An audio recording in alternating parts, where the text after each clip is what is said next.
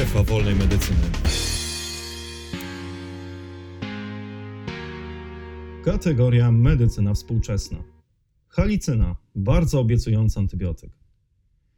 W ubiegłym tygodniu świat obiegła informacja o sukcesie w poszukiwaniu nowych antybiotyków. Wszystko za sprawą wyników badania opublikowanego na łamach czasopisma naukowego Cell. Badacze z Massachusetts Institute of Technology, w skrócie MIT, użyli algorytmów uczenia maszynowego do zidentyfikowania substancji nazwanej halicyną. Poszukiwanie nowych leków skutecznych w leczeniu zakażeń bakteryjnych jest istotniejsze niż kiedykolwiek od czasu wynalezienia penicyliny. Według danych Światowej Organizacji Zdrowia z powodu narastającej antybiotykooporności co roku umiera prawie 700 tysięcy osób na świecie. Niepokojące jest, że tendencja od lat jest wzrostowa. Według ekspertów do roku 2050 śmiertelność może wzrosnąć nawet do 10 milionów osób. Dane te znajdują odzwierciedlenie również w Polsce. W Narodowym Programie Ochrony Antybiotyków na lata 2016-2020 czytamy, że skuteczność antybiotyków zależy przede wszystkim od rozsądnego ich stosowania. To nadużywanie antybiotyków jest główną przyczyną tak szybkiego wzrostu oporności wśród bakterii.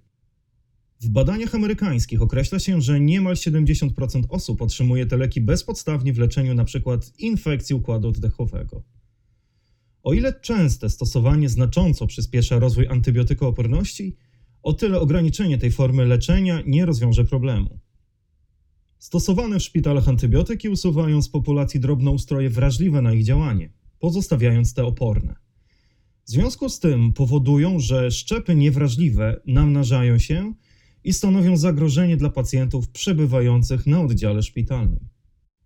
Dochodzi wtedy do zakażeń szpitalnych, które są niezwykle trudne w leczeniu, zaś według prognoz kiedyś mogą być niemożliwe do wyleczenia.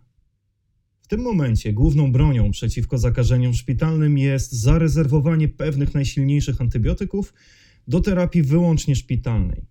Wówczas ogranicza się narastanie antybiotykooporności poprzez mniejszą populacyjną ekspozycję na wybrane antybiotyki. Dzięki temu mogą one być zastosowane w szczególnych przypadkach najcięższych zakażeń. Jednocześnie trwają bardzo intensywne poszukiwania nowych związków chemicznych mogących pełnić rolę skutecznych środków bakteriobójczych. Ograniczenie stosowania antybiotyków tylko opóźnia proces narastania oporności wśród bakterii, ale już teraz istnieją szczepy niewrażliwe na znane leki, tzw. MDR, XDR i PDR, czyli oporne na wszystkie znane leki przeciwbakteryjne.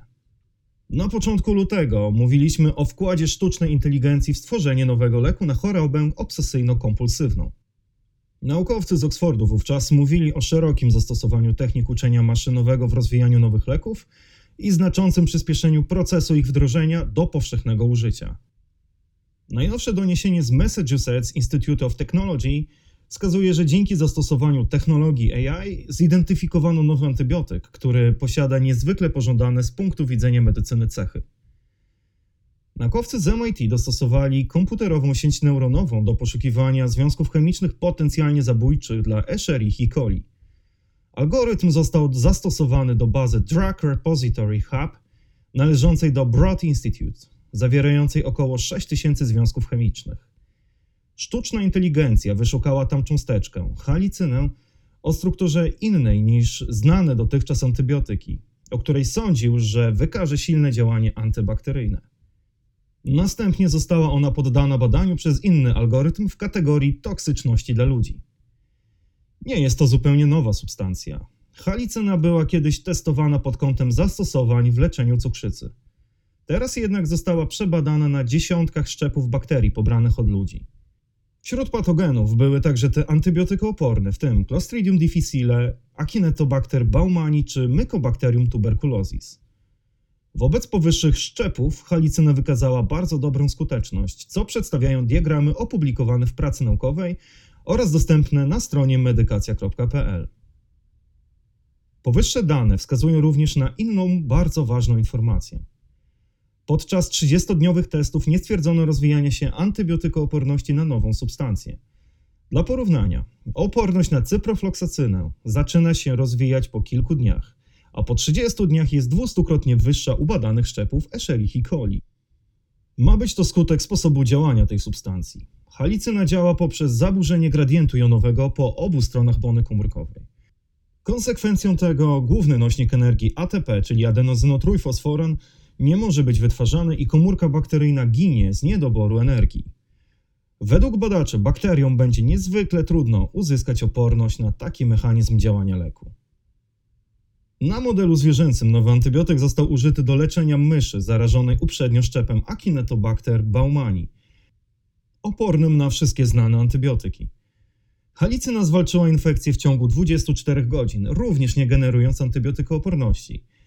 Wyniki powyższych badań są bardzo obiecujące. Podczas testów jedyną oporną bakterią okazał się Pseudomonas aeruginosa. Pierwsze sukcesy nowego antybiotyku są wstępem do właściwych badań klinicznych. Jednak powstałe algorytmy uczenia maszynowego i sieci neuronowej są dalej rozwijane. Autorzy pracy wykorzystali je do przeanalizowania ponad 100 milionów cząsteczek z bazy CINC-15, w której znajduje się blisko 1,5 miliarda molekuł. Po trzech dobach zostały znalezione 23 potencjalne leki, które nie są zbliżone do żadnego znanego antybiotyku oraz nie powinny wykazywać toksyczności u ludzi. W badaniach in vitro wykazano, że właściwości antybakteryjne posiada 8 z powyższych cząsteczek, a dwie z nich są szczególnie silne. Naukowcy planują kontynuację rozwijania swojego modelu, szczególnie w kierunku poszukiwania leków celowanych w konkretny gatunek bakterii, jak Pseudomonas, który nie jest objęty spektrum działania halicyny. Co więcej, algorytmy są publicznie dostępne w internecie, co może zachęcić kolejne zespoły badaczy do zastosowania ich we własnych projektach naukowych. Zainteresował Cię temat? Wejdź na stronę medykacja.pl, aby dowiedzieć się więcej lub posłuchaj pozostałych naszych podcastów.